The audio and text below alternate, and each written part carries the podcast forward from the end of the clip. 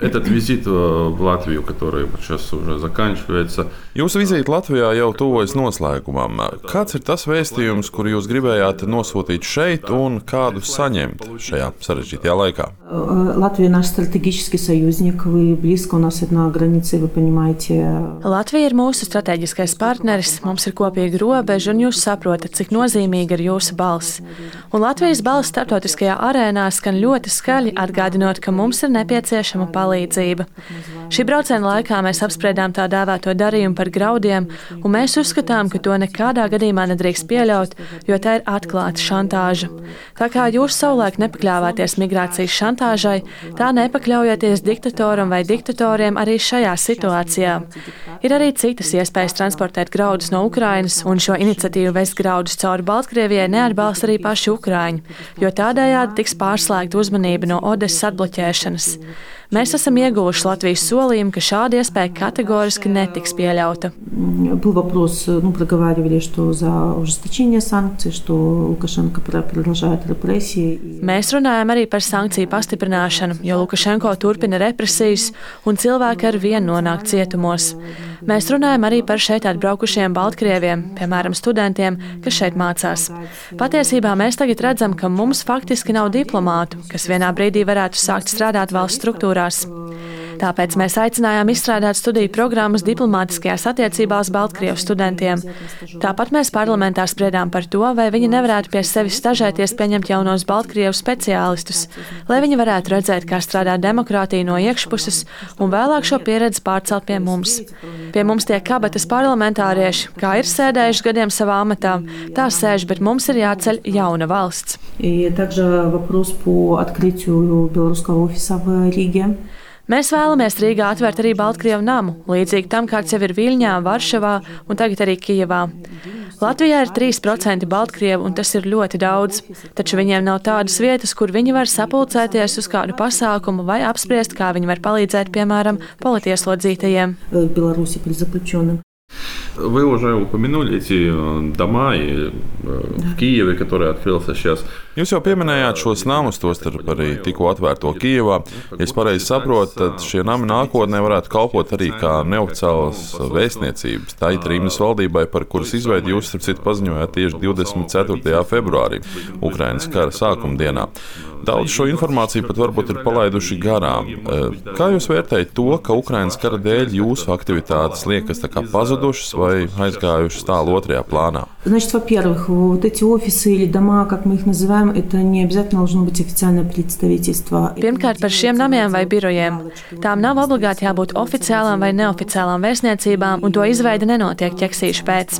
Tas viss tiek darīts Baltkrievu labā, un statusam nav nekādas nozīmes. По поводу правительства в изгнании, как вы говорите, вообще не, не люблю слово в изгнании, потому что это кажется, что это надолго. Ja runājam par trimdas valdību, tad jāsaka, ka vārds trimda man nepatīk, jo tas asociējas ar kaut ko, kas turpināsies ilgi. Jā, mēs kara pirmajā dienā paziņojām par valdības veidošanu, un arī mums gribējās visu izdarīt ātri. Taču mums ir jāsaprot, ka šādai valdībai ir jātop ne jau tikai tāpēc, ka ir šāda struktūra nepieciešama. Nav jau jēga mainīt vietām cilvēkus, kas jau tagad atrodas dažādās organizācijās. Ir jāveido komanda, kas patiešām būs speciālisti kādā jomā un kuriem būs uzticība Baltkrievijas sabiedrībā. Viena var būt publiskas personas, citi nē, jo daudzi speciālisti joprojām atrodas Baltkrievijā. Tāpēc tad, kad jau būs izveidojusies izpratne par to, kā šim kabinetam ir jāizskatās, un būs jau daži kandidāti, par to tiks paziņots publiski. Taču jāatzīst, ka rindas uz šiem amatiem nestāv jo tas ir saistīts ar vairākiem riskiem. Tikko tu kļūsti par šādu kabinetu pārstāvi, tā režīms tevi sāks pastiprināt, uzraudzīt. То, что, как вы говорите, внимание к нам, к белорусам, к демсилам немножко исчезло, это не потому, что у нас не появился кабинет. Interese par Baltkrievu demokrātiskiem spēkiem jau nav pazudusi, tāpēc, ka mums nav izveidojusies šī valdība, bet gan tāpēc, ka sākās karš. Mēs absolūti atbalstām to, ka uzmanība pārslēdzas uz Ukrainu, jo tam ir tā jābūt. Pašlaik Pašlaik mēs necīnāmies par uzmanību un nesacenšamies ar Ukrainu, jo saprotam, ka 2020. gadā uzmanība tika pievērsta mums, un tas bija godīgi.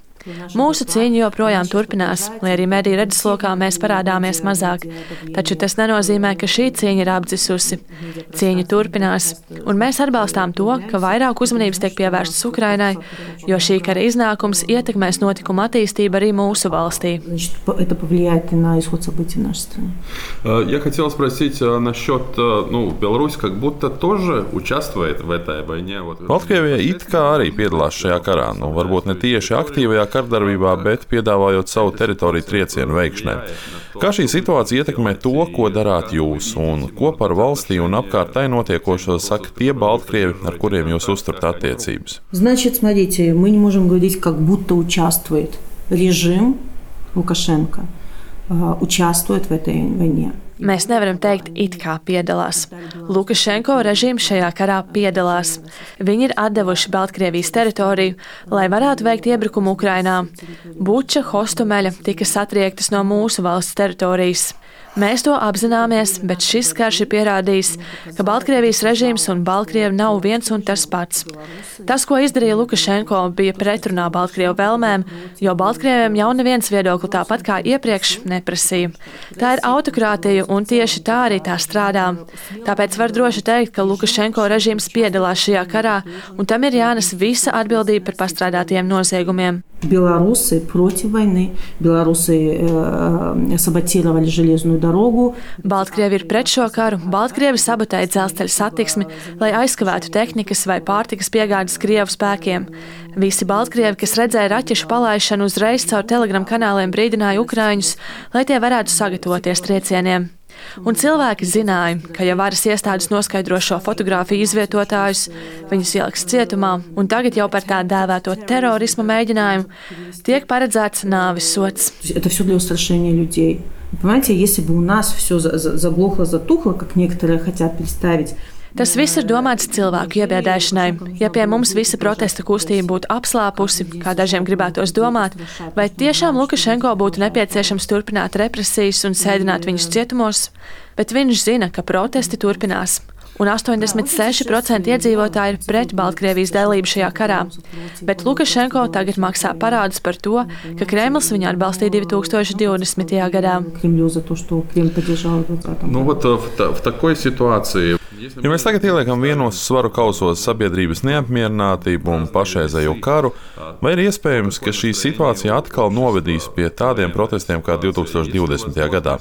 Vai sabiedrība ir gatava protestēt pret režīmu darbību karā? Я знаю, что протесты это красиво. Кажется, протесты вот сейчас возьмут и сметут этот режим. Нам тоже так казалось. Es zinu, ka protesti izskatās skaisti. Protesti nāks un aizslaucīs šo režīmu. Mums arī tā savulaik likās. Taču ne mēs, ne Eiropas sabiedrība nespēja novērtēt režīma nežēlību. Toreiz mums likās, ka ar vienkāršiem protestiem mēs panāksim to, ka Lukašenko visu ieraudzīs un teiks, viss ir acīm redzams.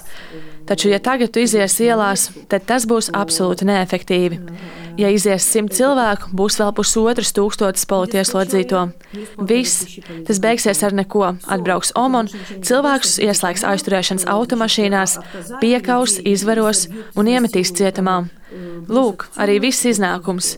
Ir jāsaprot, ka vienkārši ar demonstrācijām vairs neko nepanāksi. Baltkrievijā visas demonstrācijas izdzenā. Vienalga, vai tu protestē pret karu, diktatūru vai ko citu.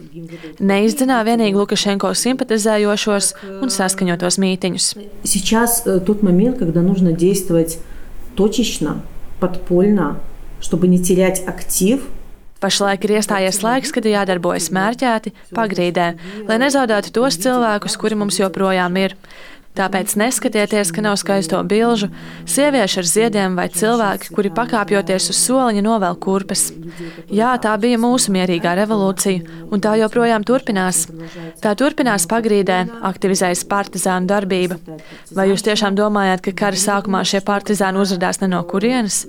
Visus šos mēnešus notiek saziņa ar Baltkrieviem valsts iekšēnē.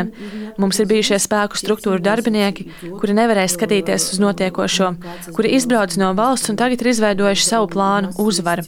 Viņi zina, kā vajadzīgajā brīdī sazināties ar vajadzīgo cilvēku, kurš ir gatavs kaut ko izdarīt. Kad mums pavērsies kāds iespēju lokus, šie cilvēki saņems konkrētas instrukcijas.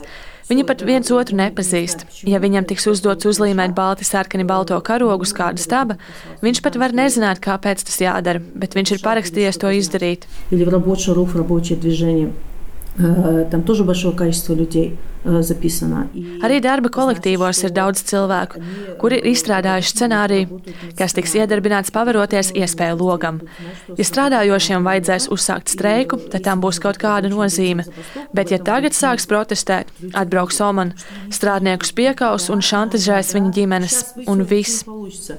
То есть люди э, сейчас готовы, как говорите, выйти, осознавая, что это будет э, победное шествие. что- Cilvēki ir gatavi iziet protestēt tikai tad, kad tas būs uzvaras gājiens, kas novadīs pie režīma maiņas. Arī pašam režīmam jau jābūt īpaši ļodzīgam. Taču tas brīdis ir jāsajūt. Mēs nesēžam un negaidām, ka kaut kas notiks, lai mēs atkal varētu iziet ielās. Nē, cilvēki katru dienu strādā, lai saglabātu esošās struktūras un cilvēkus. Tāpat, lai piesaistītu kādu speciālistu no sākuma, ir jāizved no valsts visa ģimene, jo mēs zinām, kā šī sistēma darbojas. Потому что мы знаем, как это работает. Спасибо большое. Спасибо.